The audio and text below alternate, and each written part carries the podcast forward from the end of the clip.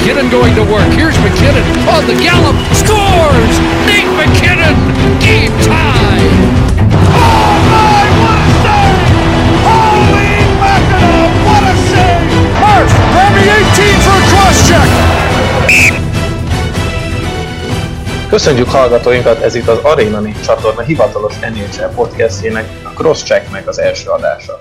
Engem Palotai Barnabásnak hívnak, és itt van velem az éterben társ házigazdám Jani Szabolcs. Szia Szabi, hogy Sziasztok. vagy? Sziasztok, jól vagyok, köszöntöm a kedves hallgatókat. Mennyire vagy izgatott? Eléggé, eléggé, azért nekem ez az első alkalom, hogy kicsit beszélhetek erről a szép sportról és az NHL-ről, úgyhogy izgatott vagyok, de, de örülök neki, hogy itt lehetek. Jó, hát nem vagy egyedül, én is az vagyok. Egyrészt azért, mert még sosem csináltam podcastet, úgyhogy pont itt volt az ideje. Másrészt azért, mert nem sok magyar nyelvű NHL-el foglalkozó beszélgetős műsor létezik, pedig biztosan van rá igény, legalábbis reméljük. Úgyhogy ezt próbáljuk most kielégíteni. Hogy milyen rendszerességgel jelentkezünk, azt egyelőre még nem tudjuk, az viszont biztos, hogy minden egyes adásban igyekszünk az aktuális eseményekre reflektálni és azokat átbeszélni, kicsit a dolgok mélyére nézni, valamint foglalkozunk majd a közelgő eseményekkel is. A mai adásban először a jelenleg zajló nagy döntő első két mérkőzéséről fogunk beszélni, de természetesen szó lesz erről az egészen különleges playoffról is, magukról a buborékokról, az új szisztémáról, és persze a két finalista, a Tampa Bay Lightning és a Dallas Stars idáig vezető útjáról is.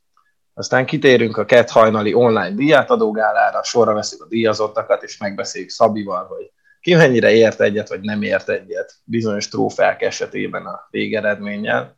Végezetül pedig megnézzük az elmúlt hetek játékos mozgásai, szó lesz a Pittsburgh és a Montreal cseréiről is, szót ejtünk azokra a játékosokra is, akiknél benne van a pakliban a következő hetekben egy csere. Érdemes lesz tehát velünk tartani, és ne is vesztegessük az időnket, vágjunk bele. Hát Szabi, egy-egy a döntő állása, az első meccset a Dallas nyerte 4-1-re, aztán a Tampa kett hajnalban egy 3-2-es győzelemmel egyenlített. Mi a véleményed a párharc eddigi alakulásáról? Hát igazából az első meccs végeredménye az gyakorlatilag majdnem ugyanakkor a meglepetés számomra, mint, mint maga az, hogy a Dallas itt van a döntőben. Én, hogyha nagyon őszinte szeretnék lenni, és mondjuk valaki megkérdezi a playoff előtt, hogy, hogy ki az az első csapat, aki kiesett, akkor én lehet, hogy oda pont a Dallas mondom.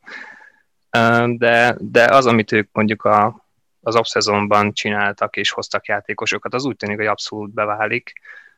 Gondolok itt a veteránokra, Pavelski vagy Perry révén, és, és nagyon szépen menetelnek eddig. Az első meccsen is azt használták ki, amit egyébként ők elterveztek most, hogy hogyan tudnak eredményesek lenni.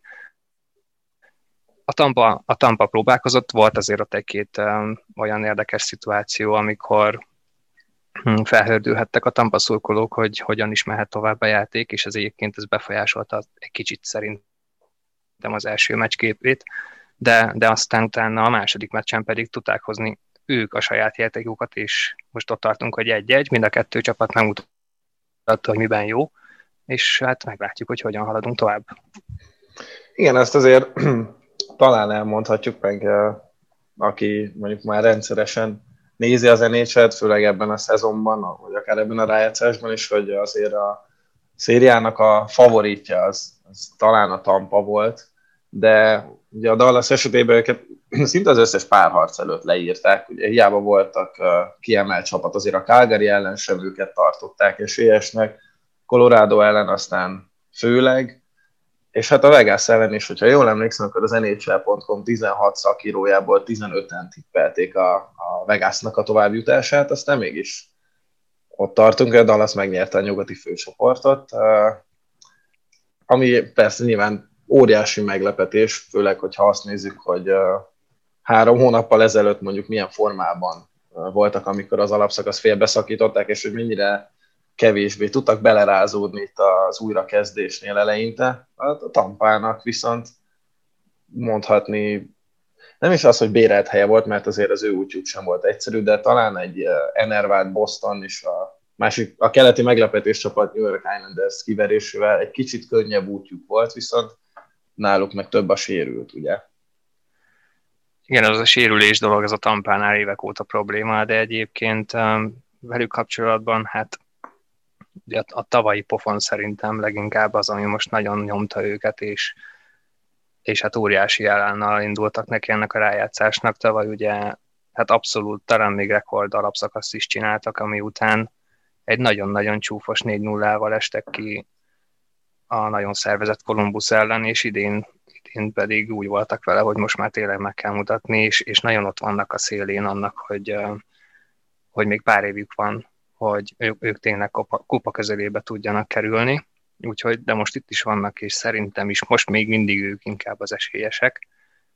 Mm, aztán kíváncsi vagyok, hogy tényleg, tényleg végre felül tudnak magukon kerekedni, és behúzzák ezt a kupát úgy 16 év után. Persze az előző győztes csapatnak nincs, ezek, nincs köze ehhez a csapathoz, de, de azért mégis most, most végre nyerhetnek. Igen, azért ez biztos, hogy egy óriási lelki töltetet adott nekik, hogy a tavalyi óriási és hát világra szóló lebőgés után az első fordulóban idén pont a Kolumbusszal kerültek össze ismét, és hát ha annyira nem is volt sima azért az a párat, ugye a két meccs is talán hosszabbításban dölt el. Az egyik ugye majdnem rekordhosszúság volt az ötödik hosszabbításban született meg győztes gól. Mm, de úgy, hogy átverekedték magukat azon a Kolumbuszon, ami mondjuk szerintem azért egy picit gyengébb volt, mint a tavalyi.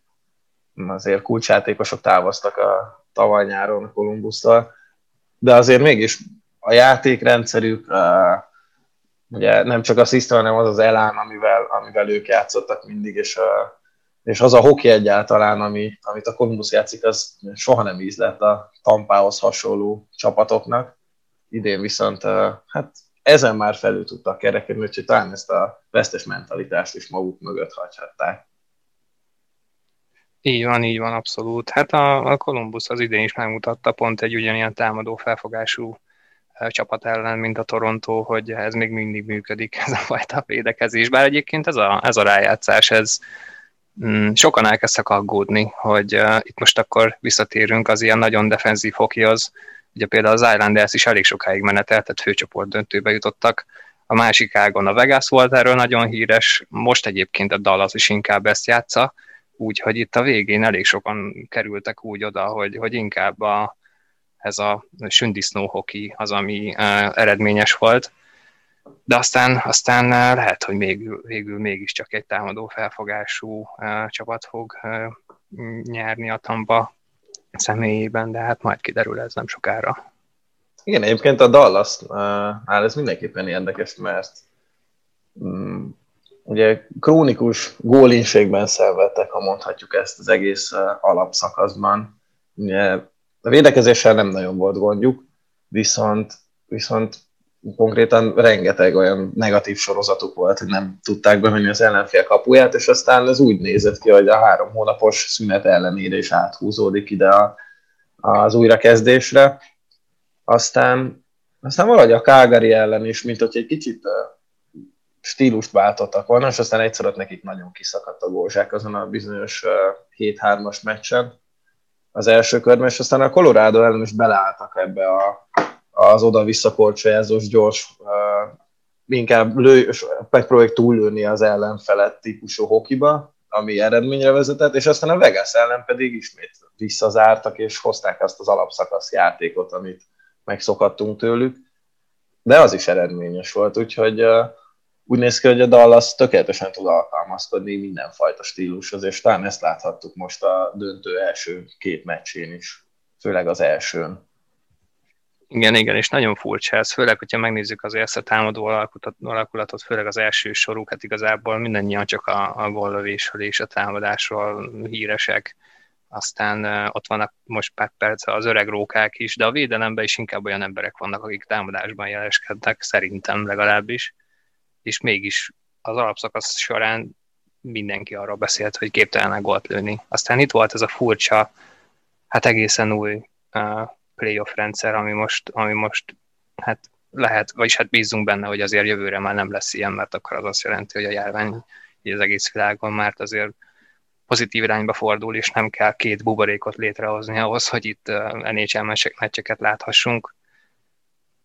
Szóval nagyon érdekes dolgok vannak, de egyébként erről sokat beszéltek még a rájátszás előtt, hogy itt, itt igazából nem is a felkészültség, nem is a taktikai felkészültség lesz az, ami döntő lehet, hanem inkább a mentális. Tehát ez az, ami, ami, ami leginkább eldöntheti egy-két csapat sorsát, és, és mondjuk a Dallas lehet, hogy mégis jól járt azzal, hogy egy Corey Perry is, vagy egy Joe Pavelski oda került hozzájuk, mert, mert azért ez a két öreg róka, ez ebben például lehet, hogy nagyon segített, segíti most éppen ezt a csapatot. Igen, nagyon úgy néz ki, hogy mentálisan a legerősebb csapat a Dallas legyen bármi is a végeredménye a nagy döntőnek. Egyébként meg pont az, az érdekes, hogy talán, hogyha jól emlékszem, akkor pont az ő védőjük volt Andrei Szekere, aki először kiállt a nyilvánosság elé, még uh, szerintem a második körben lehetett ez az ominózus eset, amikor azt mondta, hogy hogy azért már kezdenek belefásulni a játékosok, és ezt ő kívülről is látja, és magán is érzi, hogy a buborékban egy idő után már minden nap ugyanolyan. Nem nagyon mozdulnak ki, ugye persze Torontóban is, meg Edmontonban is volt ilyen szervezett kirándulás, hogy egy, egy délelőttöt vagy délután eltölthettek a szabadban, mondjuk egy focipályán vagy egy golfpályán, de hogy azon kívül semmi. Edzés, videójátékozás, különböző közös programok a szállodában, papucsban megint átsoszogás az edzésre, aztán meccs, és, és ugye nyilván minden játékosnak, aki mondjuk profi sportoló legyen az akármilyen sportban, egy idő után azért megvan a maga napi rutinja, de abban ugye beletartozik az utazás is, meg az, hogy természetesen néha hazatérnek a családhoz. Itt viszont ugye mindenki el is volt vágva a családtól, de úgy néz ki, hogy pont, pont a dallasiak bírták ennek, ennek a hiányát a leginkább. Igen, egyébként ez nagyon érdekes lesz majd, hogy, hogy hogyan alakul későbbiekben, főleg már a következő szezonra nézve. Most valamelyik nap volt interjú Batmannel, hogy hogyan is látja ezt, hogy mik az esélyeik annak mondjuk, hogy decemberben újraindul az új szezon. És szerintem ennek a legnagyobb buktatója mondjuk az lehet, Ugye ez a, ez a, ez a bubble dolog nagyon jól működik ugyan, de ez, hogy, hogy az a játékosok nem biztos, hogy bele fognak ab, abba menni, hogy állandóan otthon, tehát nem otthon, hanem ebbe a bubble vannak, és nem találkoznak a családtagokkal. Úgyhogy erről lesz szerintem a legkomolyabb vita, hogy hogyan folytassák ezt, mert, mert ez most így működik, de a játékosok ebbe hosszú, hosszú távon nem fognak ebbe belemenni, de ez már még csak a jövő de például az is érdekes, hogy, hogy ez mennyire úgy, ugye, a szurkolók mindig hajlamosak csak úgy, csak úgy játékosokra tekint, játékosokként igen, tekinteni, igen, igen. nem pedig emberekként, de Így például van. most, a, most, amikor kikapott az Islanders, aznap pár órára rá Leo Komarov, az Islanders játékosa posztolta az új kisbabájáról a képet, és aznap született meg, úgyhogy egy kicsit úgy lehet látni ennek az emberi oldalát is. Igen, igen, igen. Uh, a játékosokra gondolni.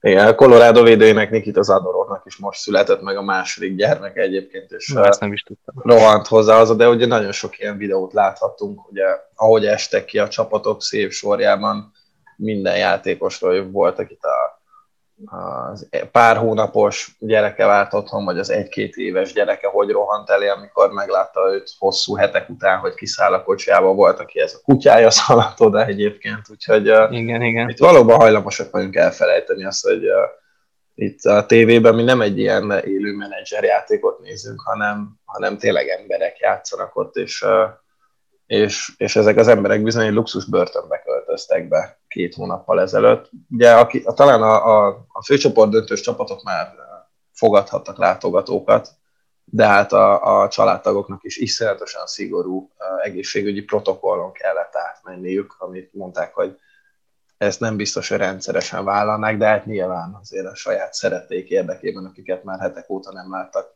persze megteszik. Csak aztán kérdés, hogy ez hosszú távon mennyire fenntartható.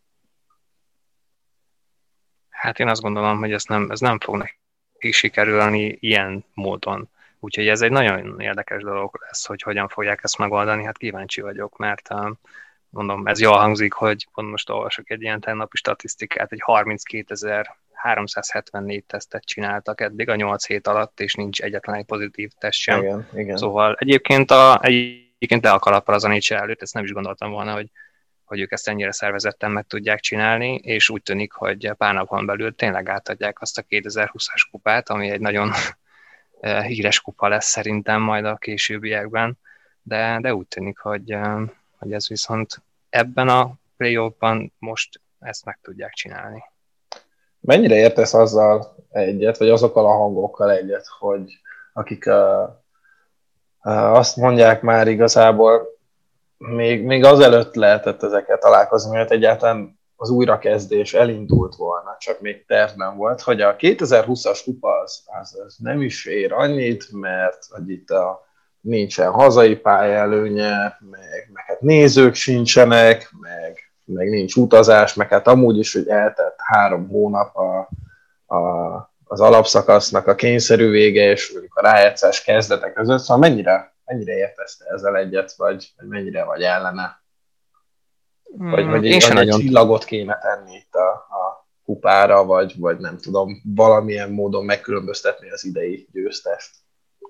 Igen, megosztó nagyon. Egyébként az elején én sem nagyon tudtam ezt hova tenni, meg, meg így gondolkoztam is, hát, hát az milyen lesz, hogy a play nincsenek nézők, meg, meg hogyha ne adj Isten, mondjuk a Torontó nyert volna egy kupát így 50 akárhány év után, pont most nézők előtt nem, egyébként ez nagyon rájuk volt volna, hogy, hogy egyszer jelnek, és akkor is el lehet mondjuk parádézni. Egyszer de... esik ki a Boston Torontóban, és akkor se a van. Toronto üti ki őket. Igen, igen. De, de hát pont, pont azért is szerintem tehát ezt nem lehet így kijelenteni, hogy, hogy ez nem annyira értékes kupa, amit az előbb beszéltünk, hogy a játékosok szerintem annyira-annyira komoly heteken mennek most keresztül, hogy, hogy ez szerintem még, még igazán még lehet, hogy többet is ér, mert ez egy nagyon komoly mentális, hát lehet tortúrának is nevezni, mert, mert nem elég, hogy a játékra kell figyelni, de egy nagyon speciális helyzet ez, amivel meg kell küzdeni, úgyhogy szerintem az, aki most megnyeri a kupát, az, az bizony ugyanolyan Stanley Kupa győztes, aki mondjuk 2003-ban nyerte meg, mert, mert, mert nagyon-nagyon nehéz megnyerni ezt a kupát, főleg, főleg ilyen körülmények között. Igen, én is ezt a vonalat képviselem egyébként. Uh, nekem ugye van egy Colorado tetoválás a lábamon alatt a két bajnoki évvel, de ha ne Isten a Colorado nyert volna idén, akkor én a 2020-at is felvaradtam volna, de egy csillagot csak azért is oda, oda tetettem volna, de, de csak azért, mert nálam ez a csillag, ez, ez, ez inkább annak szól, hogy, hogy aki idén nyer, az biztos, hogy megérdemli, és, és, és nem lehet elvitatni tőle, mert, mert annyira egyedülálló ez az egész helyzet, és, és pont amit te is mondtál, hogy ennek a, ennek a mentális vetületét sokan nem értik, hogy, hogy ez, ez mivel jár. Konkrétan ők a világtól elvonulva élnek most már x ideje. Persze, tehát nem, nem éheznek, meg azért mindenük megvan, ami, amit kérnek, a szabadságot kivéve. Hát, hogyha gyorsan átpártolsz a Dallashoz is megnyerik a kupát, akkor az a csillag még oda kerülhet a lábadra. igen, igen, nem, nem tervezem egyébként. Hmm. Nem baj. Úgy vagyok vele, hogy a Dallas is megérdemli. De, de igazából bárki, bárki kerül volna oda a végére, szerintem nem lehet elvitatni tőle. Na de miért ez a két csapat van most itt? Hát ugye a Tampáról már beszéltünk, hogy évek óta azt várják, hogy ők odaérjenek, hogy voltak is döntőbe 2015-ben, nagyon rég építik ezt a csapatot, és és abszolút évek óta esélyesek. Valahogy sose sikerült eddig nekik. 15-ben hát ugye egy nagyon-nagyon erős Chicagóval találkoztak, utána sérülés problémáik voltak. Azt hiszem következő évre talán nem is jutottak play de lehet, hogy csak utána nem sikerült ez nekik. Mm, viszont azt is sokszor mondják, hogy ahhoz, hogy egy igazán győztes csapat létrejöjjön, ahhoz sok pofonba bele kell szaladni, és ez a Tampánál abszolút megvolt az biztos. Az pár évben is, és szerintem lehet, hogy tényleg most fog, most fog minden összeállni. Annak ellenére, hogy például lesz Steven Stamkos a csapatkapitányuk, ha jól tudom, jégre se lépett, nem, egész, nem. egész rájátszás során, szóval. De most, minden... most edzett először, azt hiszem, Aha, mióta igen. a buborékban van. Uh, ugye piros mez sem volt már rajta edzésen, ugye, ami ez a non-contact jersey, hogy őt, őt nem szabad leütközni, meg nagyon korongassák, célozgassák őt. Most viszont ezt már elhagyhatta, de, de továbbra sem tudni, hogy mikor léphet pályára, ha egyáltalán pályára léphet. Mekkora dolog ez egyébként, hogy az első soros centered, illetve hát ugye többször játszott idén szélsőt, ugye, de mégiscsak a csapatkapitányod, meg ő a franchise, franchise-nak az arca, ekkora dolog az, hogy tulajdonképpen három győztes meccsre vagy nélküle is a kupa győzelemtől. Hát ez mindent elmond a Tampáról. Elképesztően jól draftoltak, amellett, hogy, hogy Eisenman szerintem zseniálisan építette ezt a csapatot.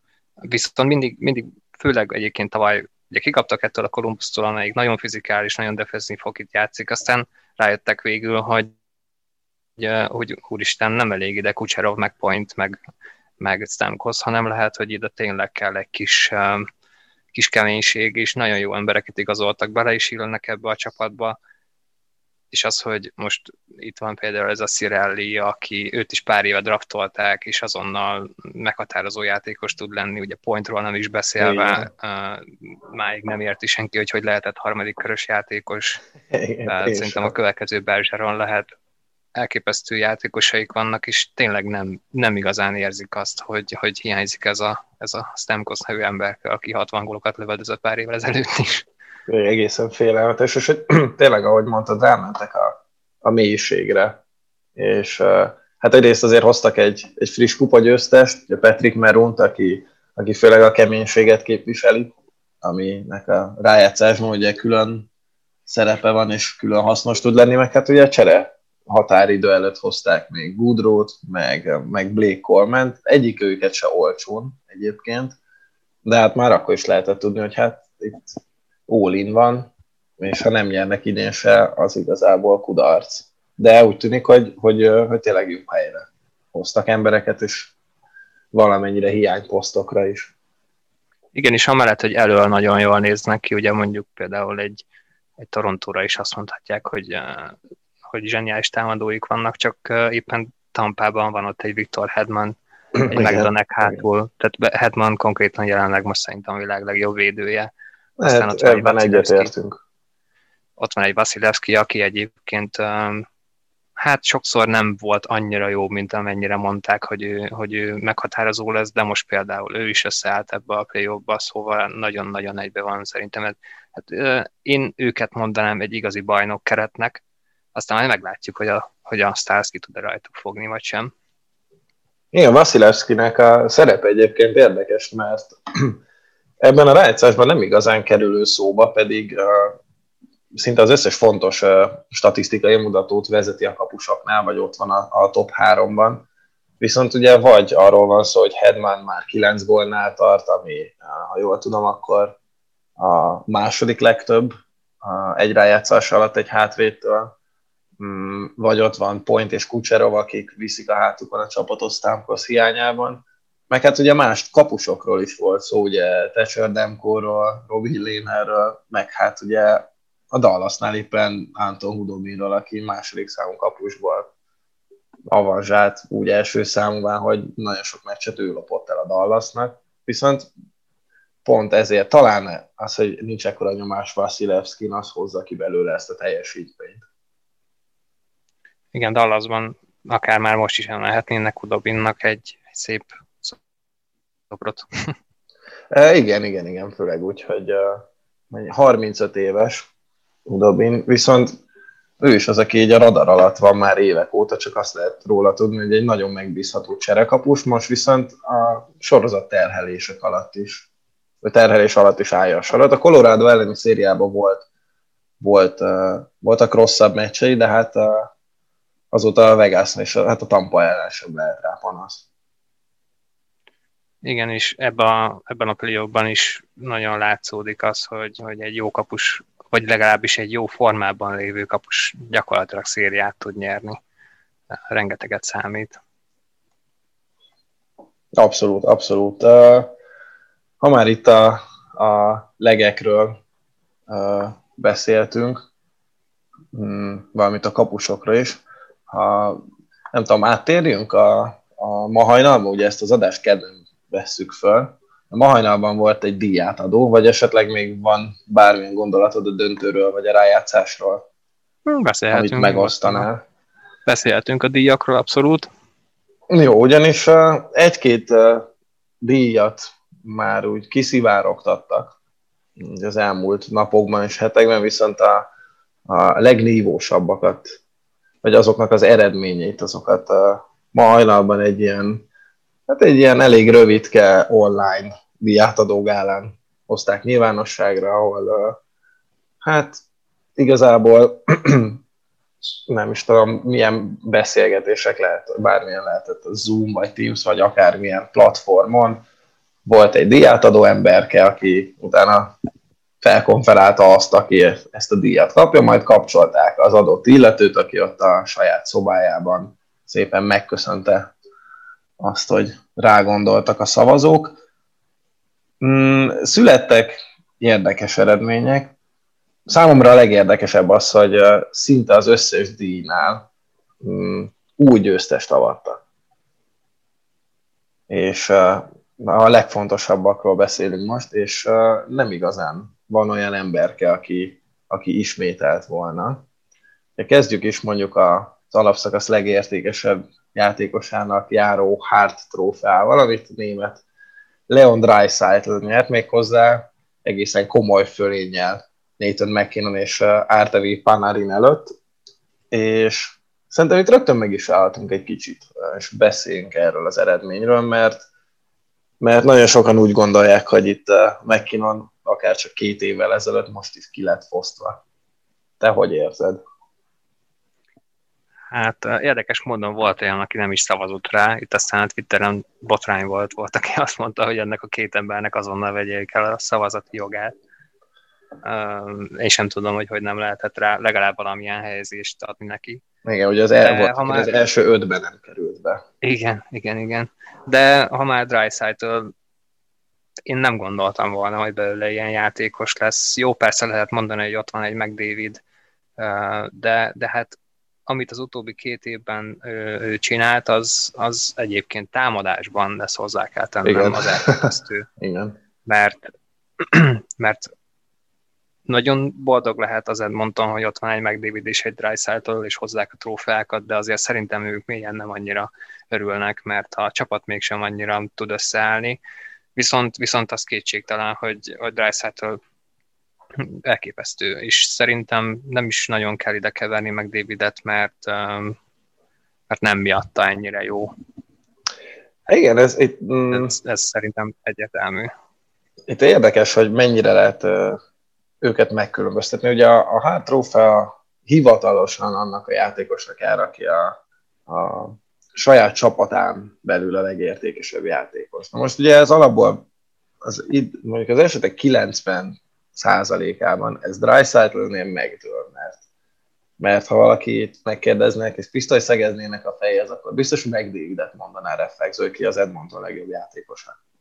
Idén viszont Dreisaitl azért egyrészt, amikor McDavid sérülés miatt hiányzott, akkor, akkor sem omlott össze, egyrészt sem ő sem az Edmonton, másrészt azért azt ne felejtsük el, hogy ők nagyon sokszor nem ugyanabban a sorban játszottak. Emberelőnyben természetesen igen, de egyébként uh, igazából többnyire ők két külön sort vittek, és Dreisaitl így is egészen embertelen számokat hozott, főleg a többiekhez képest. Igen, igen, abszolút. Bár egyébként én hajlamos vagyok ilyenkor azért a rájátszást is belevenni, mert csak egy szezonról van szó, és hogyha pedig azt nézzük, akkor, akkor McKinnon volt beteges amit ő ott csinált, meg az egész szezon alatt, szóval azt gondolom, hogy a következő pár évben fog, fog ő nyerni, szóval hogyha valaki úgy gondolja, hogy megfosztották, szerintem nem kell nagyon aggódnia. Hát én egyébként úgy vagyok vele, természetesen azért elfogult vagyok, de, de szerintem neki két éve mindenképpen nyernie kellett volna. Idén, idén azért el tudom fogadni, tehát akkor a, akkor a különbség volt, és ugye itt a, a legtöbb szavazó nem néz tovább a kanadai táblázatnál. Ránéznek, gól, passz, úr, Isten, ez a dry side mindenkit agyonvert, hát akkor adjuk neki.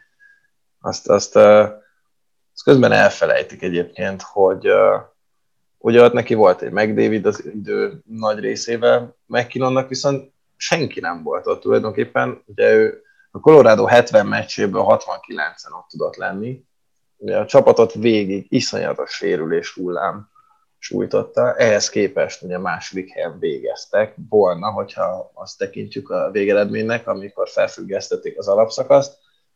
Neki 93 pontja volt, és a csapat második legeredményesebb játékosának 50.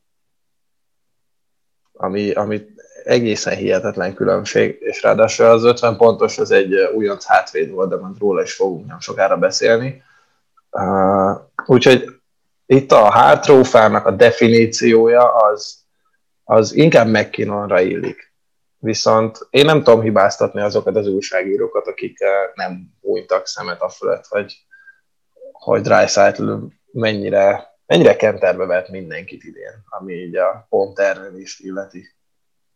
Igen, igen, teljesen.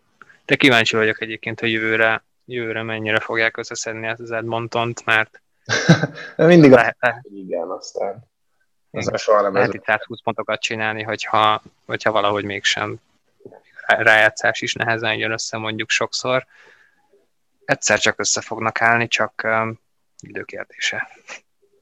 Mit gondolsz a, a harmadik helyezetről, Panarinról? Ugye most nyáron szerződött New Yorkba, aláírt egy gigantikus szerződést, de egyelőre minden centjét megszolgálta annak.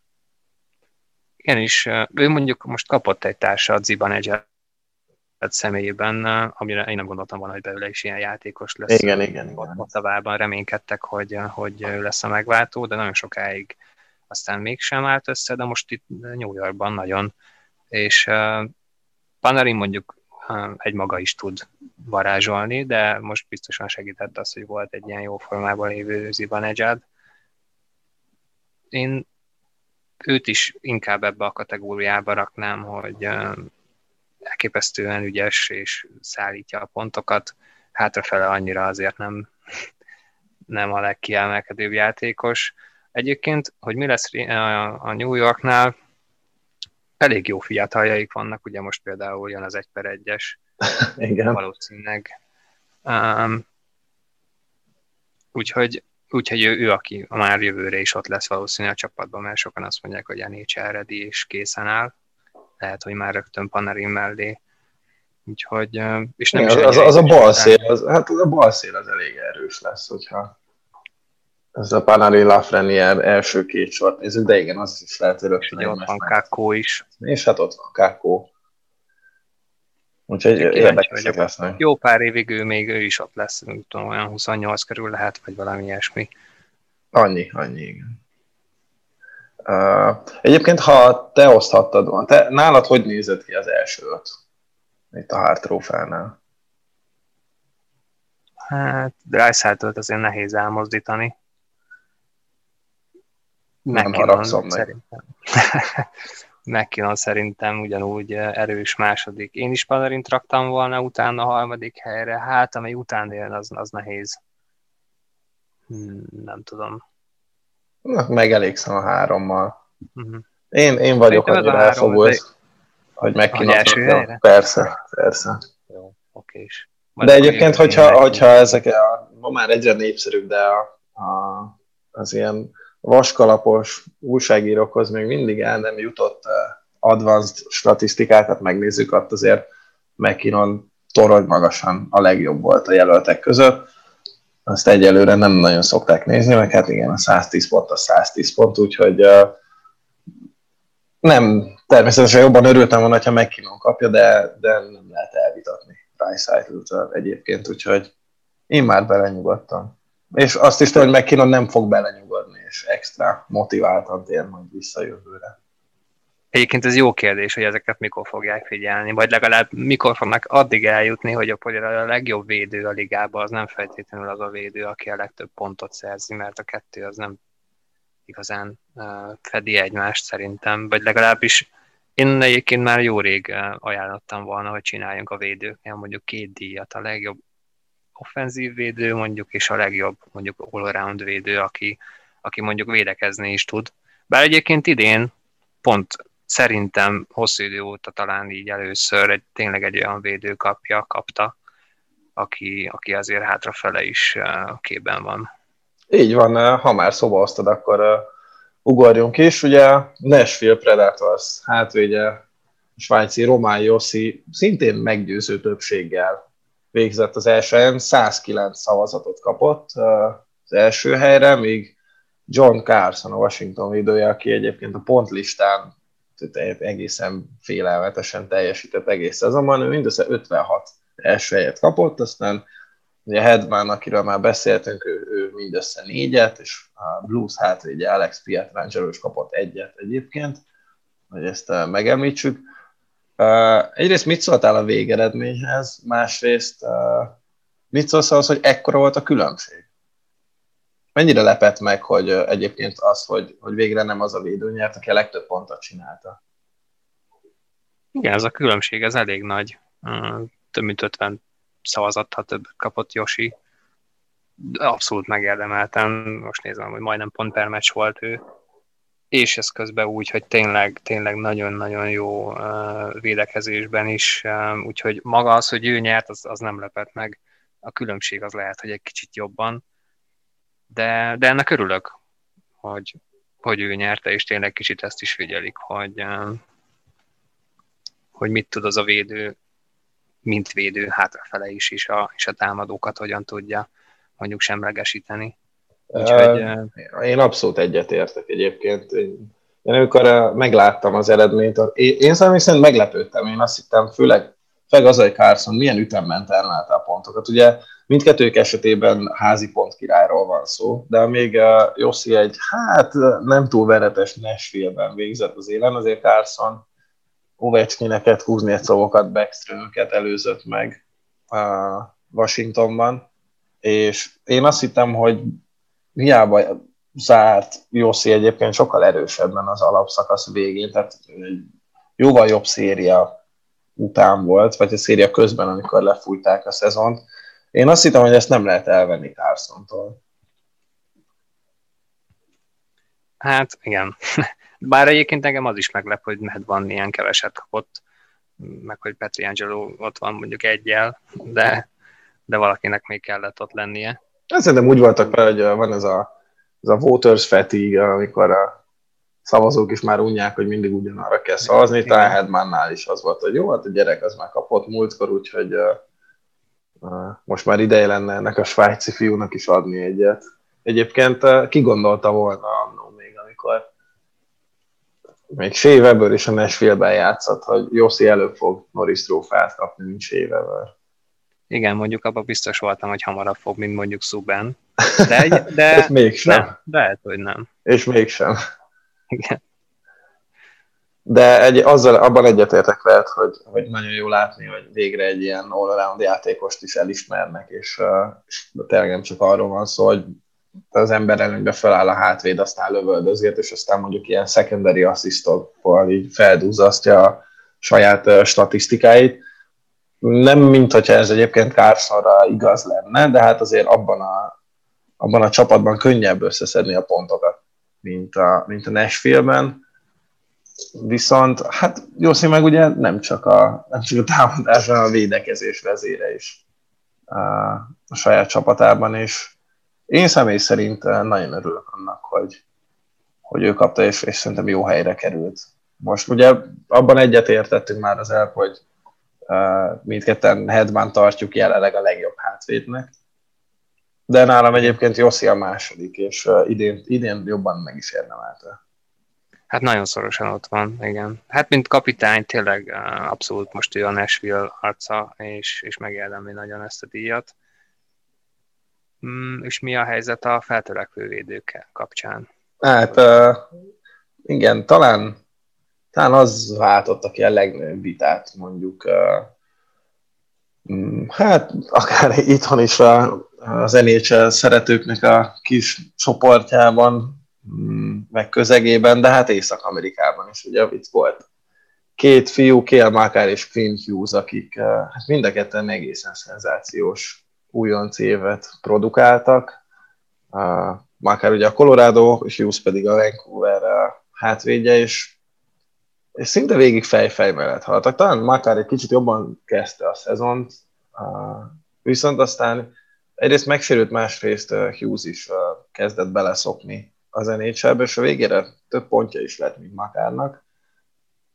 Viszont itt is, ahhoz képest, hogy a, hát a közvélemény meg a szurkolók mennyire megosztottak voltak a díjjal kapcsolatban, ahhoz képest óriási különbséggel nyert Makár. Igen, nagy a különbség, ezt, ezt én is furcsálom egy kicsit. Én nem tudnék dönteni, tényleg két amit ők csináltak ebben az első évben, nagyon-nagyon furcsa. Most ezért például az utóbbi években szerintem láttunk azért bőven ilyet, akár Matthews vagy Line, hogy beérkeznek ebbe a ligába, és, és olyat produkálnak, hogy mindenkinek leesik az álla, és gyakorlatilag azonnal sztárok lesznek, de ezek inkább a támadókra voltak jellemzőek. Igen, igen, igen. És most itt vannak ezek a srácok védőként, ráadásul mondjuk olyan testalkattal vagy termettel, amire azt mondanák, hogy hát igen, várjunk egy kicsit, és akkor majd egyszer biztos jó játékos lesz belőle, még mondjuk kicsit összeszedi magát az izomzata, stb. És ők most ide keveredtek, és úgy játszanak, mint hogyha 26 évesek lennének, és nem csak a rájátszásban, hanem a play is, úgyhogy nagyon-nagyon komoly mezőny, és jönnek még ilyen fiatal védők, meg mondjuk ugye most itt csak a káderről van szó, és azok azt a két játékos nézzük, akik most éppen újoncak voltak, de előző év is láttunk ilyet, úgyhogy, úgyhogy nagyon, nagyon nehéz dönteni, ahhoz képest tényleg nagy a különbség például. Igen, erre én sem számítottam, és uh, mm, igazából nyilván én szerettem volna, hogy Makár nyerjen, és uh, szerencsére ezt a díjat haza is viheti, majd ha egyszer megkapja, és túl vagyunk azon, hogy online ítélik neki oda. Mm, viszont hogyha félreteszem az elfogultságomat, akkor, akkor lövésem sem lett volna, hogy, hogy kinek adnám, és egyáltalán ki fogja kapni ugye a, a, hát a szavazók szerint, akik erről döntöttek. És engem ezért lett meg az, hogy több mint kétszer voksot kapott, mint, mint Hughes. Igen, igen. De úgy látom a kapusoknál azért egy kicsit szorosabb volt a dolog, persze, hát nem tudom, kapusoknál mindig olyanok, hogy aki abban az évben nagyon jó, az nagyon jó. Van mondjuk egy-két kivétel, akár Rask vagy, vagy Price, akiről lehet tudni, hogy mindig megbízhatóak, de nálam ez a kapus téma, ez olyan lutri, hogy elképesztő. Szóval mit szólsz ahhoz, hogy Conor Hellebike megnyerte élete első vezina trófáját? Hát róla se gondoltam volna soha, hogy ilyen kupát nyer. Én se. Az de, az de megérdemelt. Igen, Neki én most kijött a lépés. Én is nézegettem a statisztikáit, ugye, hát azért a Winnipeg is egyre inkább egy ilyen ornehéz csapatnak a benyomását kelti, ahol tele vannak tehetséges támadókkal, a védelmük viszont egyre vékonyabb. És pont olvastam ma egy statisztikát, hogy a, ezeket a bizonyos ilyen high danger helyzeteket, amik ugye nem csak simán kapulövések, hanem amik uh, igazi gólszerzések meg. Ezekből a Winnipeg engedte a legtöbbet az egész alapszakaszban. Hellebaik ennek ellenére végzett 92%-os hatékonyság fölött, úgyhogy én is úgy vagyok hogy megérdemi. Rasknak azért jobb statisztikái voltak egyébként, de, de ő azért hát kevesebbet is védett, ugye ott azért halák több meccset kapott a kispadról, Hellbike viszont gyakorlatilag egyedül vitte ezt a csapatot. Igen, és a Winnipeg azért most ez nagy kérdés lesz a későbbiekben. Nagyon-nagyon jól nézett ki ott egy, egy-két éve a dolog, hogy eh, ők aztán igazán igazi komoly nagy csapat lesznek nyugaton, aztán most, most valahogy most mégsem úgy, mégsem olyan fényes annak ellenére, hogy most elevők nyert egy trófeát, de hát um, ahogy te is mondtad, inkább ezt tényleg csak saját magának köszönheti, és a védők meg úgy a támadók nem nagyon segítették ezt a, ezt a kapust, hogy, uh, hogy ne találkozzon annyi, annyi lövéssel. Hát nem unatkozott, az biztos. Úgyhogy, úgyhogy kíváncsi vagyok, hogy mi lesz később. Mm, szerinted benne van a pakliba, hogy neki nem ez lesz az egyetlen? Hát szerintem most a következő pár évben nem hiszem, hogy ő ott lesz. Már csak azért is, mert, mert a Winnipeg tényleg jó fiataljaik vannak, de például, amiről majd későbbiekben is fogunk beszélni, de vannak olyan pletykák, hogy például line is árulják, healers is árulják, szóval egy kicsikét szerintem ott most megingott a, a mag. Ettől függetlenül lehet, hogy, hogy jövőre is mondjuk valahogy mégiscsak összeállnak, és nagyon jó csapat kerekedik be, ki belőlük, de, de én nem igazán érzem, hogy ezt még egyszer emögött a Winnipeg mögött ezt meg tudja ő csinálni. Én kíváncsi leszek egyébként, én, tehát egy, én egy tehetséges kapusnak tartottam őt fiatalon, most se olyan öreg még egyébként persze, de aztán valahogy hmm, bennem nem azt a benyomást keltette, hogy ő, ő lehet, ő egy igazi franchise kapus lehet, aki, aki adott estéken győzelmeket lop a csapatának, Viszont idén aztán mégis úgy tűnik, hogy megugratta ezt a szintet, mert tényleg csak az a kérdés, hogy ez, ez fenntartható nála, vagy ez csak egy ilyen kifutott dolog volt tőle. Mert egyébként most nézem, hogy ő is még csak 27 éves, úgyhogy abszolút igen, benne igen, lehet, igen, igen, nála később. Hát érdekes lesz. Azt mondjuk valószínű, hogy ugye Rász kérte a második helyre, Vasilevski pedig a harmadik helyre, hát lehet, hogy Rásznak ez volt az utolsó uh, ilyen szereplése. Ő ugye nagyon gondolkozik azon, hogy visszavonul. Mm, nem is, nem is vagyok benne biztos, hogy sokan még szívesen látják Bostonban azok után, hogy csapatnapotot hagyott a buborékba és hazarohant. Ugye a bostoni média és a szurkolók is rendesen kikezdték, pedig hát ott ugye egy mm, családi vészhelyzetről tudunk, legalábbis ennél pontosabbat nem árultak el. Valami, ha jól tudom, akkor a kislányával történt, egészségügyi probléma lehetett, és azért hagyta ott a buborékot. Aki ezért elítéli őt, hát az olyan is. Mm, nem, nem hiszem, hogy ezen múlt, hogy a Boston kiesett volna. Mm, igen, én is csak ilyenféle információkat tudok erről, de, de nem is baj, hogy nem tudunk erről többet, erről nem is kell szerintem. Most az, hogy ő így döntött, el kell fogadni, és szerintem a Boston szurkolóknak egy szavuk sem lehet, mert, mert az utóbbi hát jó tíz évben ő, ő vitte őket, ugye elvitte egy nagy döntőig is. Így van. Én egyébként előtte azt hallottam, hogy, hogy neki azért van, azért sok már ez egy kicsit, mert olyan sérülései voltak, és olyan fájdalmai vannak, hogy már ő inkább azt mondja, hogy, hogy ennyi, és ne tovább. Hogyha még erre rájött neki valami fajta családi probléma is, hát akkor ezt el kell fogadni. Emberekről van szó, úgyhogy ő szerintem mindent megtett Bostonért. Ez, ez vitathatatlan, abszolút. Mm, nézzünk tovább egy, egy-két díjat még. A legjobban védekező csatároknak járó Szelke trófánál is.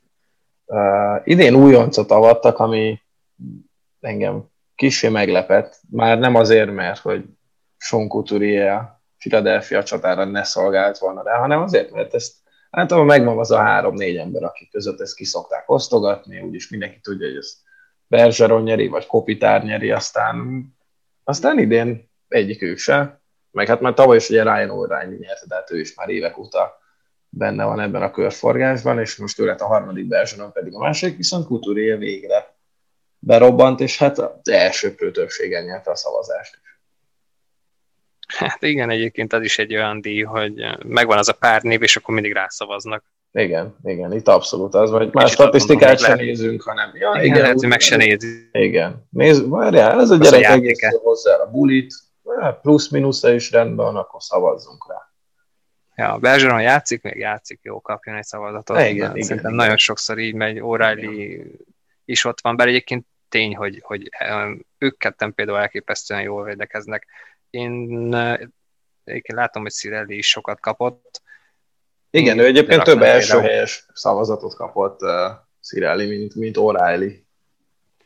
Igen, én ide raknám egyébként nem sokára pointot is szerintem, szerintem ő is nagyon-nagyon jó ebben. Mármint, hogyha ja, tényleg ugye centerekről beszélünk, sokan azt mondják, hogy ő lehet a következő Bergeron, hát majd meglátjuk, az is elég, hogy ennyi pontot csinál igen, igen. a mi csoportunkba.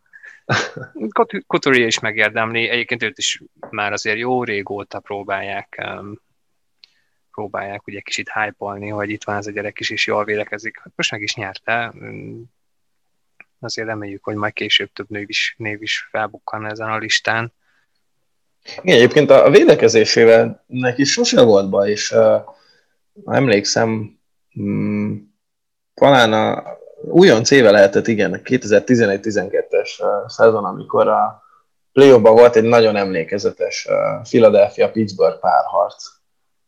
És, és ott Couturier elég szépen levette, az, akkor egyébként a pálya csúcsán, vagy hát akkor is a pálya csúcsán levő crosby a jégről, mm, nyilván nem az összes meccsen, de többnyire nagyon szépen semlegesítette, úgyhogy még, még nem is volt 20 éves.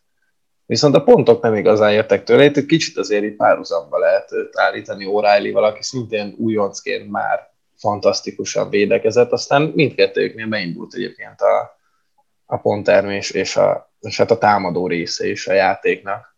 És hát most már minden, mindkettők esetében elit játékosokról lehet beszélni szerintem. Igen, itt azért szerintem sokszor figyelembe veszik azt is, hogy nem csak az, hogy mondjuk jól védekezik valaki, mondjuk mint negyedik soros, hanem itt Igen. arról is van szó, hogy pontokat is csináljon az illető, és ebben most, most egyre jobb már ő is. Igen. Uh, engem személy szerint kicsit meglepett, de kíváncsi vagyok a te véleményedre is, az, hogy uh, uh, Mark Stone csak két pontot, vagy uh, két első helyes voksot kapott, pedig uh, én szerintem, hogyha mondjuk azt nézzük, hogy um, a ütővel ki hogy védekezik, tehát szigorúan csak azzal, akkor uh, nála nincs jobb az NHL-ben. És hát persze egyébként emellett is azért uh, egy jól védekező csatáról van szó. Szerinted miért csak ennyi szavazatot kapott? Hát lehet, hogy azért, hogy mondjuk ő szélső. Igen, én is erre tudok gondolni. Centereknél nagyon-nagyon szeretik ezt kihangsúlyozni, hogy ó, cent is pontokat is szerez, nehéz pozíció, és még jól is védekezik, hát akkor egy is erről van szó, és mondjuk akkor a szélsőket annyira ne vegyük figyelembe, de tény, hogy elképesztően hidegesítő tud lenni Stone-nak a játéka, hogy egyszer csak oda megy, és semmit nem csinál, csak úgy szépen elviszi tőled a korongot. igen, igen. Hát, a passávok már ott tovább Igen. Bár egyébként, hogyha itt tartunk, akkor nekem az egyik személyes kedvencem Mitch Marner is nagyon jó ebben a kategóriában. Nem tudom, hogy ő bármikor ide fog kerülni, de nem hogyha csak ezt a biztos. statisztikát nézzük, akkor, akkor um, akár egyet még lehet ő is kapott, kaphatott volna. Hát nem kapott, ahogy a Toronto egyik edzője sem kapott Jack Adams trófea jelölést, ez, ez mondjuk annyira nem volt meglepő. Igen. Uh, Viszont mennyire lepett meg téged Bruce Cassidy, a Bruins edzőjének a győzelme?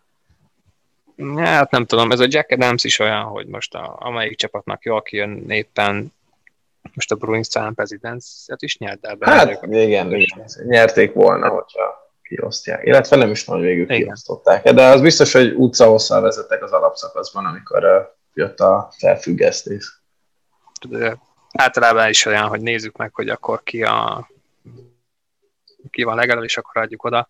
Néha figyelembe veszik azt, hogyha mondjuk egy olyan csapathoz megy egy edző még a szezon elején, és akkor hirtelen meglódul, és tényleg, tényleg ő szedi össze azt a gárdát, akkor, akkor felfigyelnek rá, de nem tudom, ez a Jack Adams is szerintem egy kicsit ilyen mindig oda kell adni valakinek. Mm, hasonló, hasonlóan vélekedek eh, erről én is. Van még két díj, amit uh, fölírtunk, az egyik a legsportszerűbb játékosnak járó Lady Bing trófea, amit, amit aztán odaadtak McKinnonnak, most, hogy itt arról van szó, hogy egy kis, kis kompenzáció, hogy hát itt van öcsi igazából a másik díjnál, most megint megszivattunk téged, de legalább ezzel ezt kitelted a vitrínbe. Persze, nem nagyon szeret összekiállításokat, meg, meg nem szövegel, stb. De szerintem ez elő is úgy van, hogy hát max a port fogja majd valahol. Igen, hogyha ezt a trófeát mondjuk, vagy a hártot ellopták meg Kinontól, akkor azt mondom, hogy ezt meg ellopták Matthews-tól, de ez nem baj, hogy ezt ellopták tőle. De Lady Binget, hát nem annyira szeretik azért a hokijátékosok, nem arról híresek, hogy Ladynek nevezzék őket. Nem, nem, ha jól tudom, egyébként O'Reilly sem túl büszke erre, pedig ő volt az, aki úgy nyerte meg egyszer, hogy mm, kettő, azaz kettő darab büntetés perce volt, és az is azért, mert játékkésleltetésért kapta, mert elfelejtett eldobni a botját, amikor az eltörött. Hát igen, meg nem mindig sikerül neki mondjuk szépen kikerni a kávét. igen, igen. Uh, igen. Abban akkor úgy tűnik, hogy egyet értünk, hogy nincs túl nagy respektje ennek a díjnak, és hát megválasztották az év szakvezetőit is, aki az Islanders general manager Lou Lamoriello lett. Miért ő lett? Na hát ez... ez egy életműdíj inkább? Lehet, lehet, igen. igen. Ezen én azért nevettem. Főleg mondjuk én szeretem egy kicsikét tényleg a dolgok összképét nézni, és az tény, tehát nem lehet elvitatni, hogy a, az Islanders mondjuk túl teljesített ebbe a szezonba, de azt azért kétlem, hogy az az ő érdeme. Tehát, hogyha mondjuk valakinek Jack Adams-t adunk, akkor, és a Islanders teljesítményét nézzük, akkor, akkor mondjuk Trotzmester, és nem Lamorello, és hogy konkrétan az, hogy ő most GM-ként milyen húzásokat csinált, hát annak szerintem inkább a következő pár évben lesz meg a bőjtje, és az nem feltétlenül pozitív. Ettől függetlenül az Islanders ott volt, és, és majdnem, még majdnem döntőbe is jutott, úgyhogy hogyha csak ezt nézzük, akkor, akkor akár meg is érdemli. De érdemes itt egy kicsit a távlatokba is tekinteni szerintem. Nálam egyébként nem tudom, hogy erről másnak mi a véleménye. Nálam a, a Jack Adams meg a, a GM trófea, azok ütik egymást. Tehát, és ezt nem tudom, fordult el elő már valahol olyan, hogy ugyanabból a csapatból uh, kapták ezt a két díjat egy adott évben, de szerintem, hogyha ha, mm, te egy jó edző vagy, azt azért kapod, mert egy nem olyan pofás játékos kerettel is elérsz egy olyan eredményt, amire nem sokan számítottak, és, és hát kvázi túl teljesíted az elvárásokat.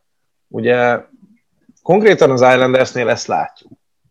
Van egy zseniális edző, aki szerintem egyébként, hát ha nem is torony magasan, de azért kiemelkedik az összes NHL edző közül, Barry Trotz, aki hát azok után mm, szedte ráncba ezt a, ezt a New York Islanders-t, vagy az Islanders még ugye tavaly előtt elvesztette John Tavares-t, és aztán ő meg oda ment, kicsit uh, megreformálta a játékstílust, mindenkiből kihozza a maximumot, és hát először rájátszásba, idén meg már főcsoport döntőbe vezette az Islanders-t. Szerintem azok után, hogy pont arról van szó, hogy egy ilyen kerettel jutott ő uh, ilyen messzire, ez pont kisebbíti Lamorello érdemeit, mert ő az, aki nem rakott össze megfelelő keretet. Én nem nagyon tudom értelmezni ezt a díjat, megmondom őszintén. Tehát egy eh, general manager munkáját nem egy évben nézzük. Biztos, hogy van Ez meg a másik, amikor, igen, igen. Amikor tényleg az van, hogy, hogy látod, hogy hú, tényleg csak olyan cseréket csinált, ami, ami abszolút uh, beleillik uh, ebbe a csapatba, és ettől sokkal jobbak lettek, de most, hogyha a GM of the Year-t nézzük, vagy mondjuk, hogyha ezt az idei tampát, akkor kaphatná akár Steve Eiserben is ezt a, igen. Ezt a díjat, mert Pedig ennek az alapját, ott. igen, ezt ő építette fel tíz év alatt. Igen, um, igen. Viszont, viszont uh, amit mondjuk úgy, mint csapat az Islanders csinált, az abszolút trotz műve, és zseniális edző szerintem. Elképesztő, hogy ide tudta vinni ezt az Islanders-t. Viszont, hogyha megnézzük ezt a cap struktúrát és azokat a szerződéseket, amiket ő kiadott most az utóbbi mondjuk 12 hónapban, nem tudom, hogy három év múlva mit fognak csinálni. Nem lesz egyszerű. Um, szóval, szóval a, a GM munkáját inkább években érdemes nézni, mint sem mondjuk egy évben ki a legjobb. Szerintem ilyen nincs. Igen, ezzel abszolút egyetértek.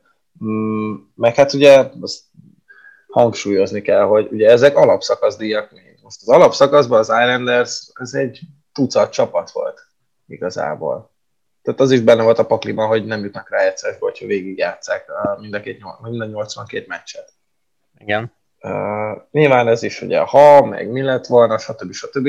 De még hogyha azt a, a 67-8-9-70 meccset nézzük, amennyit lejátszottak a csapatok, nem, nem igazán látom azt, hogy, hogy itt Lamorello mit tett le az asztalra, ami hát így a szavazókat ennyire meggyőzte volna.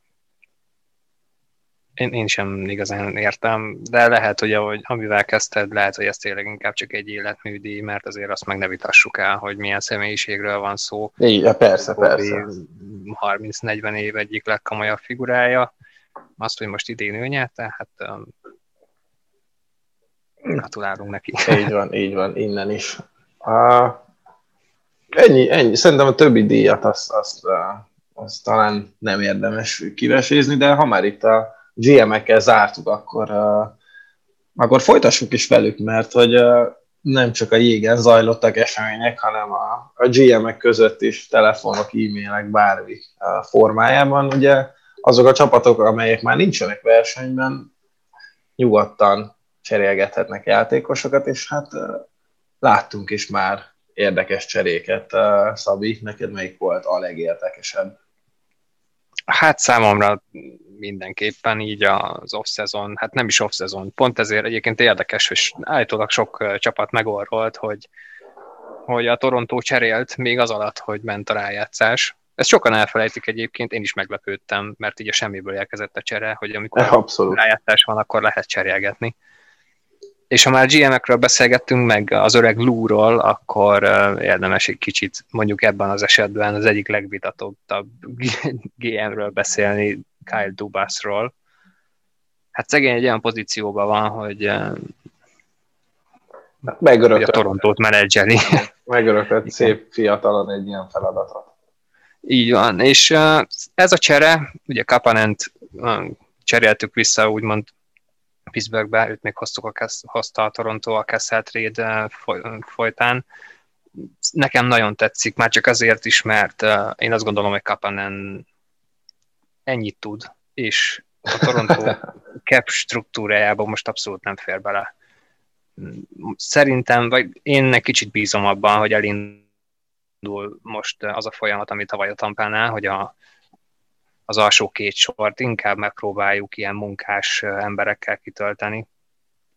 És, és ez egy jó irány lehet, főleg úgy, hogy nekem ez a Hallander gyerek nagyon tetszik. Szerintem ő pontosan egy ilyen sász lehet, aki, aki ilyen vízhordó jellegű. Rodriguezről nem hiszem, nem hiszem, hogy belőle lesz bármi, szerintem őt nem is fogjuk aláíratni.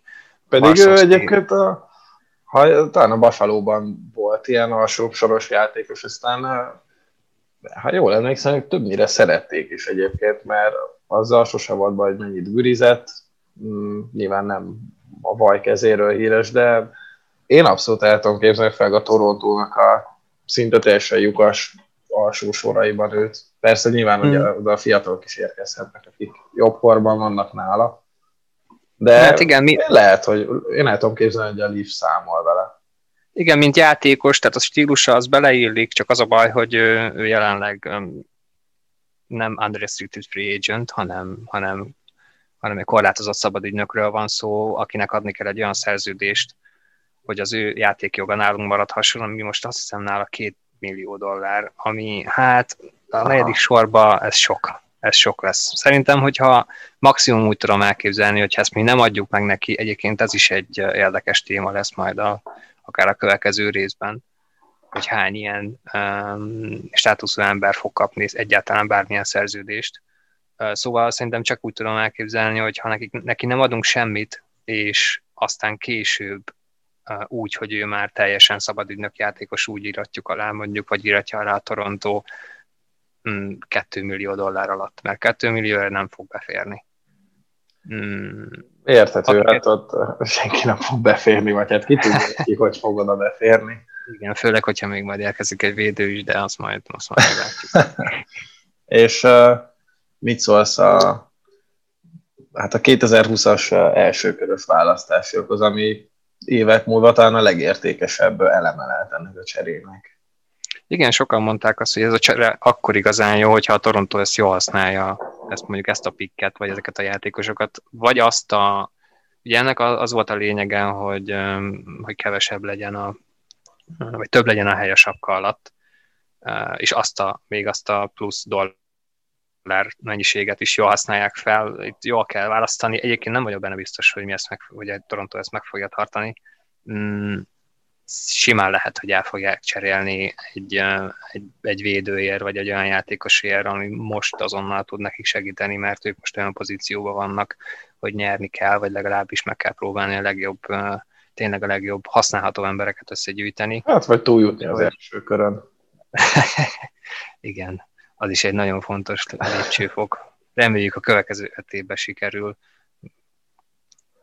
Úgyhogy, úgyhogy mindenképp ez egy szerintem egy nagyon jó csere. Azt még egyébként itt megemlíteném, hogy ugye nagyon sokan azt mondták, hogy ez egy abszolút lehúzás, mert, mert Kapanen nem ér ennyit, plusz még egy olyan játékost is kap a Toronto, mint Hallander, akiben nagyon sok lehet, plusz még egy elsőkörös, viszont itt egy kicsikét bele kell látni az üzleti oldalába is, és erről is fogunk később beszélni majd, hogy rengeteg csapat próbál most pénzt, konkrétan pénzt. Beszél, beszéltünk most is egyébként Ugye ne... ez így előtt, mert valóban ennek a trade-nek ez, ez volt az egyik mozgatórugója, úgyhogy nyugodtan ezt fejtsd ki.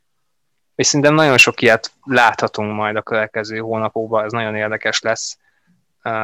Hát gazdaságilag most akármennyire is erős, erős az NHL, az nhl is nagyon-nagyon mélyen érinti ez a, ez a járványhelyzet, és nincsenek szurkolók, itt a legtöbb pénz a közvetítési jogokból érkezhet be, és ez nagyon-nagyon sok, hát anyagilag nem teljesen erős franchise, hm, hát igen negatívan érinthet.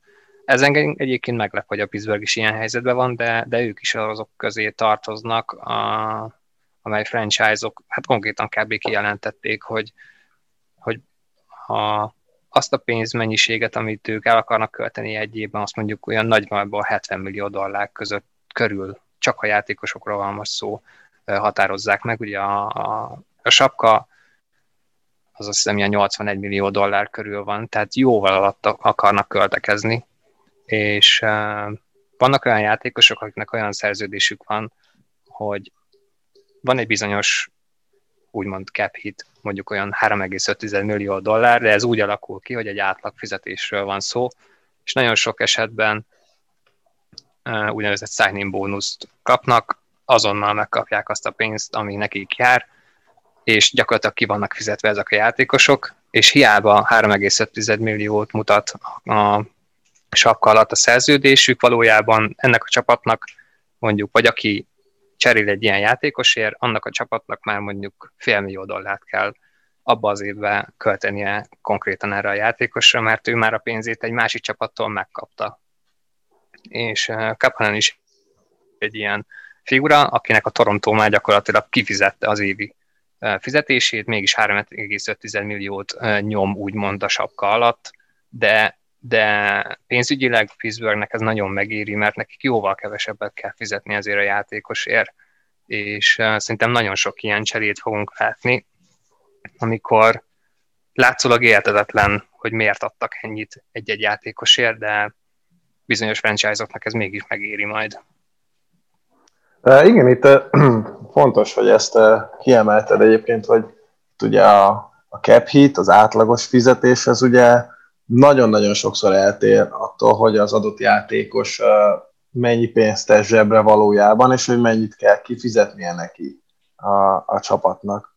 És, és hát amíg a Torontónak inkább a, a sapkával vannak gondja, és nem azzal, hogy valósan megfizesse a játékosokat, mert azért a Toronto talán a legstabilabb helyzetben levő franchise az NHL-ben, addig a Pittsburgh, a Pittsburgh bizony már az is az is valós probléma, hogy, hogy itt most hát ez hát, tehát nagyon sok csapatnál konkrétan cash flow problémák vannak, és szeretnék elkerülni azt, hogy a játékosoknak sokat kelljen fizetni, és valóban lesznek olyan csapatok, amik ilyen játékosokra vadásznak, akiket már úgy tudnak odavinni, hogy fizetni. Tulajdonképpen nem kell nekik, még hogyha a, nyilván a fizetési sakkába egyébként beleszámít az átlagkeresetük.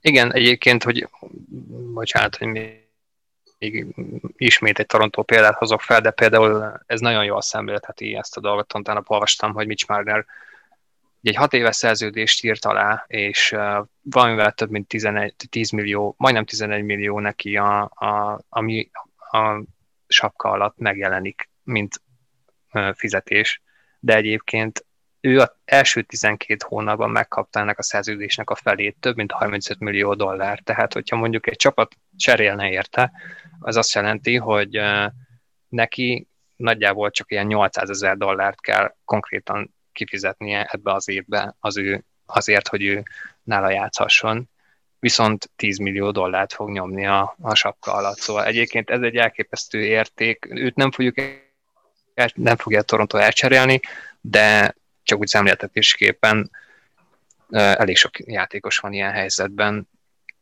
úgyhogy, úgyhogy nagyon érdekes lesz ez, hogy hogyan fog alakulni a piac, mert szerintem teljesen fel fog borulni.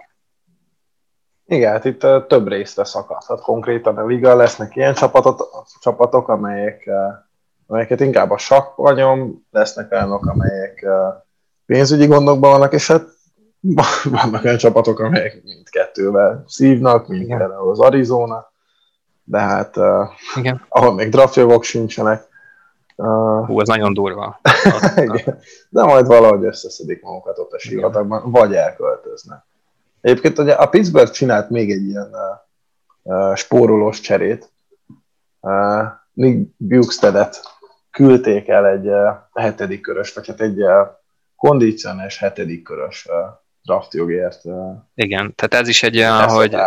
És hát nyilván többet érő ennél. Hát ilyen soha se történne meg. Tehát igen, igen. Ez Bukested, a hetedik körös játék, vagy draftjukat akkor szoktak elcserélni, hogyha mondjuk valaki tudja azt, hogy nem fog aláíratni X játékost, és akkor július 1 -e a szabadügynök piac előtt, akkor a játék jogát úgy mond, ami igazából pár nap múlva lejár, átadja egy másik franchise-nak, és akkor kap érte egy hetedik körös pikket, ami hát láttunk már olyat, hogy belőle egy, majdnem egy Pavel Daciuk lesz, de azért erre nagyon kicsi az esély. Igen, a manapság azért ezek, a, ezek az anomáliák egyre ritkábbak, így a, annyival fejlettebb a játékos megfigyelés, mint mondjuk 20 évvel ezelőtt. Persze, hát a Mark Stone-ok jönnek, meg John Klingbergek, szóval lesznek ilyenek, csak már nem annyi valószínűleg.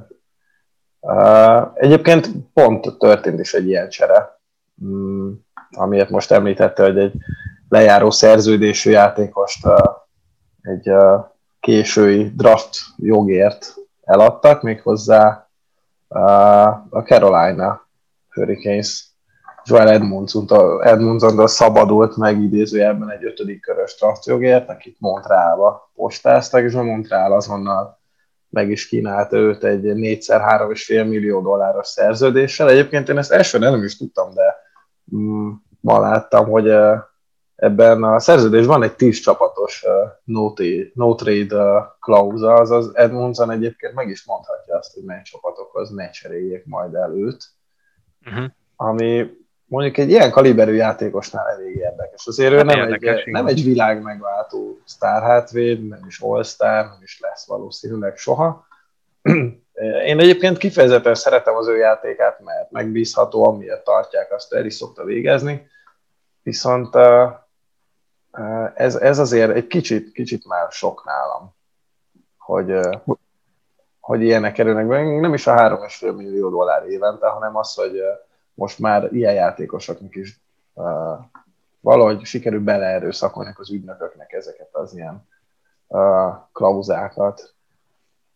Igen, ez azért érdekes, hogy neki van egy ilyen a szerződésével, bár amin én azért egy kicsit nevettem, ugyanúgy a napokban történt egy, egy olyan csere, hogy Erik Stahl ment így van. ment Buffalo-ba, és állítólag neki is volt egy ilyen a szerződésében, talán több is, mint és csak azért nem rakta rá a buffalo mert sose gondoltam volna, hogy a Buffalo fog érte cserélni. Tehát gyakorlatilag ő nem igazán akart oda menni, de hát sajnos így járt, pórul járt.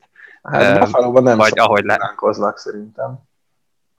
Igen, sokan azt mondják amúgy, hogy, hogy ez egy jó csere nekik, hogyha ők tényleg jók lesznek jövőre, és össze tudják őket szedni, akkor jó, csak azért, hát Stál mégiscsak egy, hát nem tudom, mert 35 év körül van talán.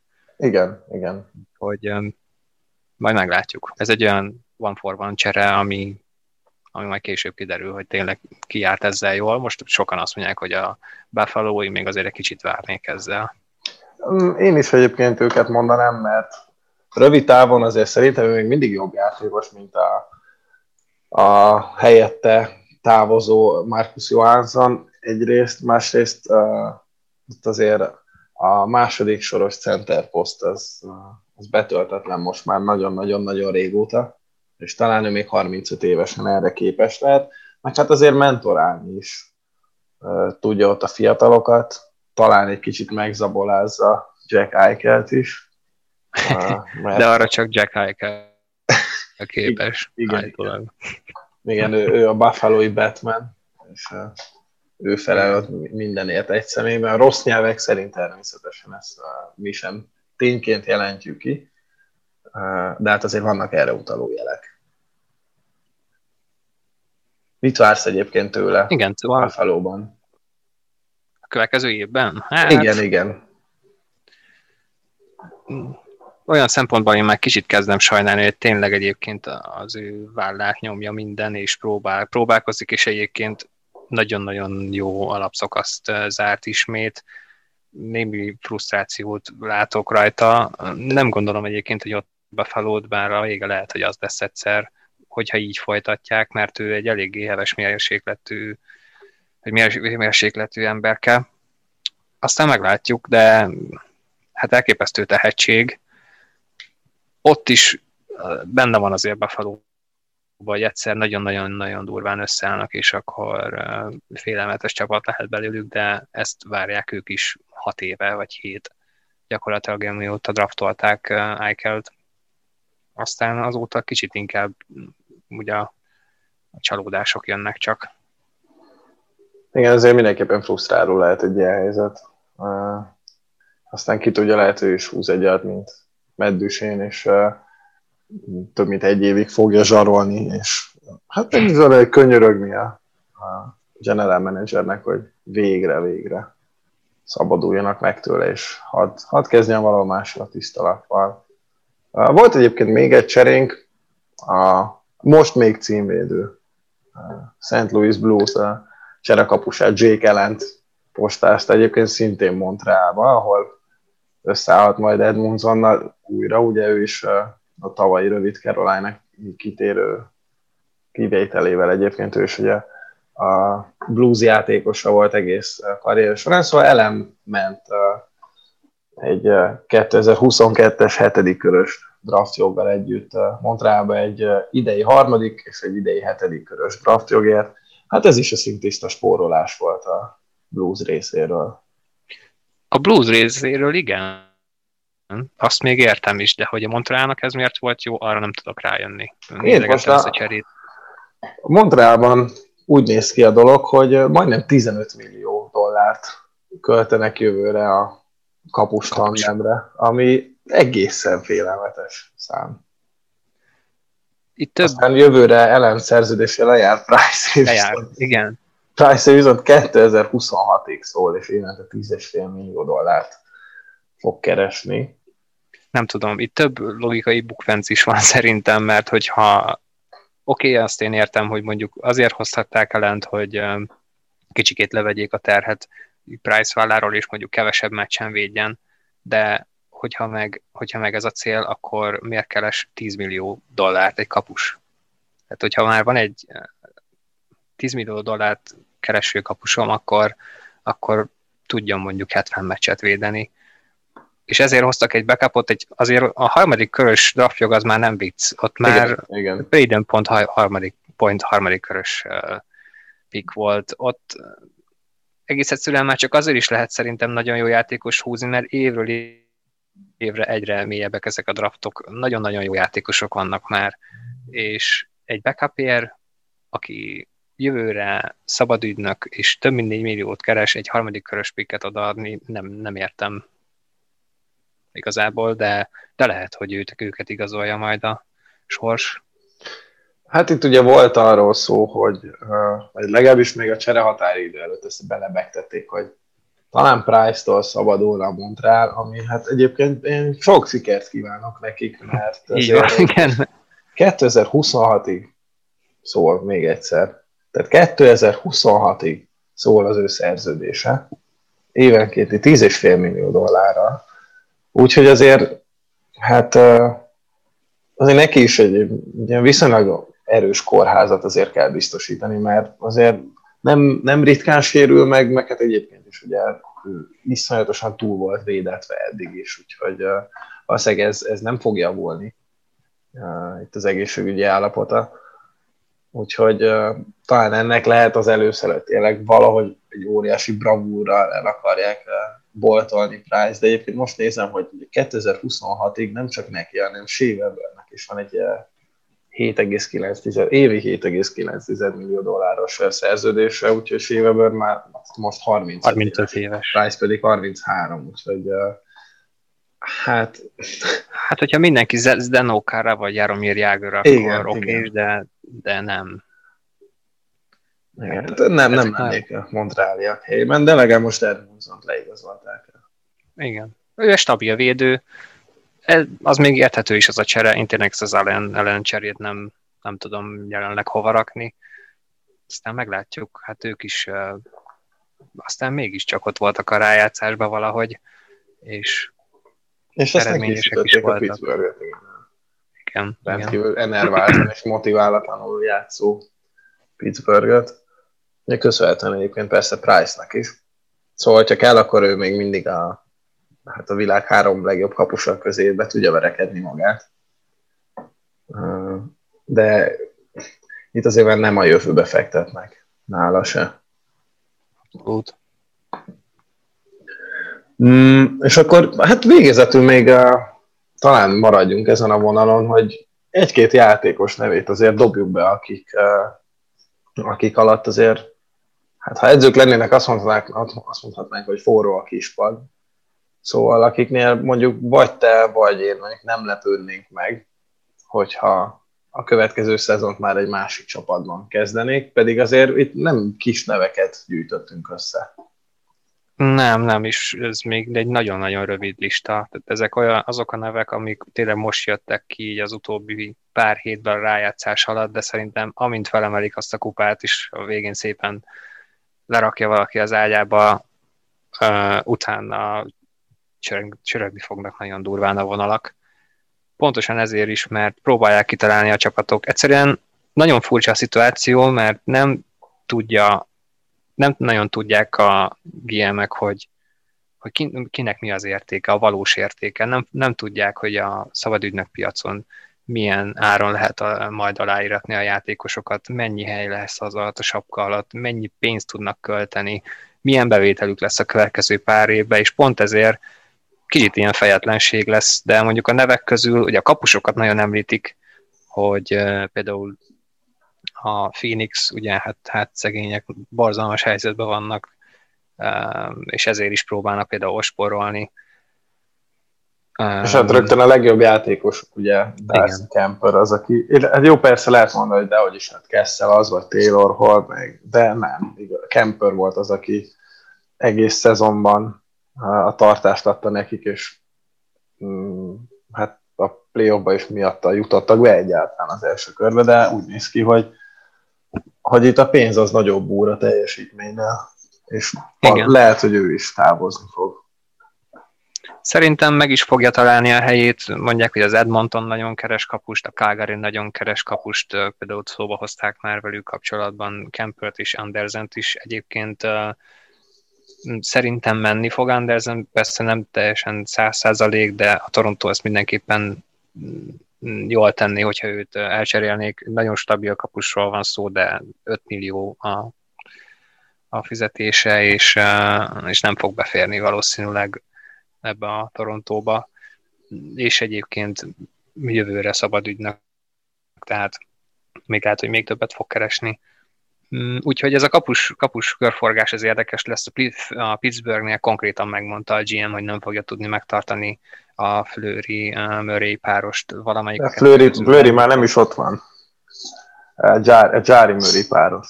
A gondoltál szerintem. Jaj, bocsánat, tényleg, igen. Hát Fleury meg a Vegasnál lesz érdekes, Igen, mert ők is megpróbálják elcserélni, hát majdnem olyan nehéz lesz, mint Price, mert ő is több mint 7 milliót keres. Igen, és hát ott ugye már tehát azt ugye mindenki tudja, hogy Flőrinek nem igazán van maradása, így fel az, hogy most Robin Lenner alá is írta. Egyrészt ugye az, hogy megszerezték őt a csere határidőnél, az már sokat mondó volt, másrészt ugye most a napokban hosszabbítottak is vele, úgyhogy Flőrinek is már megvannak talán számlában a napjai Vegasban, de hát igen, Mörinek is hiába nyert két kupát Pittsburgh-el, úgy néz ki, Igen, hogy... és azért nagyon-nagyon úgy hangzott a Pittsburgh GM-e, hogy, hogy itt Murray fog valahogy, valahogy menni.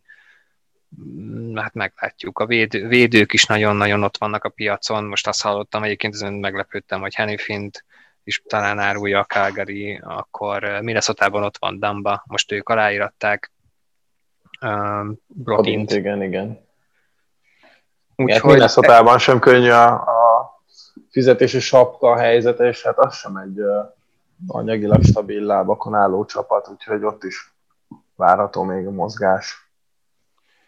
Pár héttel ezelőtt uh, Pierre Lebrun mondta ezt a tsn hogy, hogy tényleg olyan játékosok és olyan nevek fognak előkerülni, ami, amire soha se gondoltunk volna, és például abszolút ilyen Patrick Line, aki mondjuk Szelenne után talán az egyik legjobb finn goldövő lehet, és ott van, kint van a neve a piacon, Ealers is, nagyon-nagyon érdekes lehet ez majd a későbbiekben, hogy, hogy valóban ezek a játékosok cserélnek csapatot, vagy, vagy csak megint azt szeretné a média, hogy minden az nhl szóljon, de itt most szerintem tényleg arról van szó, hogy, hogy, hogy feje tetejére áll minden. Igen, és hát eddig is feje tetejére állt a buborékban, és az egész rájátszásban, és hát úgy néz ki, hogy ez az állapot várható majd a szabad ügynökpiacon is, meg hát ki tudja, hogy mi lesz majd a drafton. Az biztos, hogy mm, akár a döntő miatt is természetesen érdemes lesz még nézni az nhl az Arena 4-en, és hát utána jön a draft is, jön a szabad piac is, úgyhogy továbbra is fantasztikus izgalmak várnak ránk. Egy fért nagyjából a Crosscheck első adásába. Szabi, köszönöm szépen, hogy itt voltál. Én is nagyon szépen köszönöm és köszönjük azoknak is, akik meghallgattak minket. Sziasztok, viszontlátásra! Sziasztok!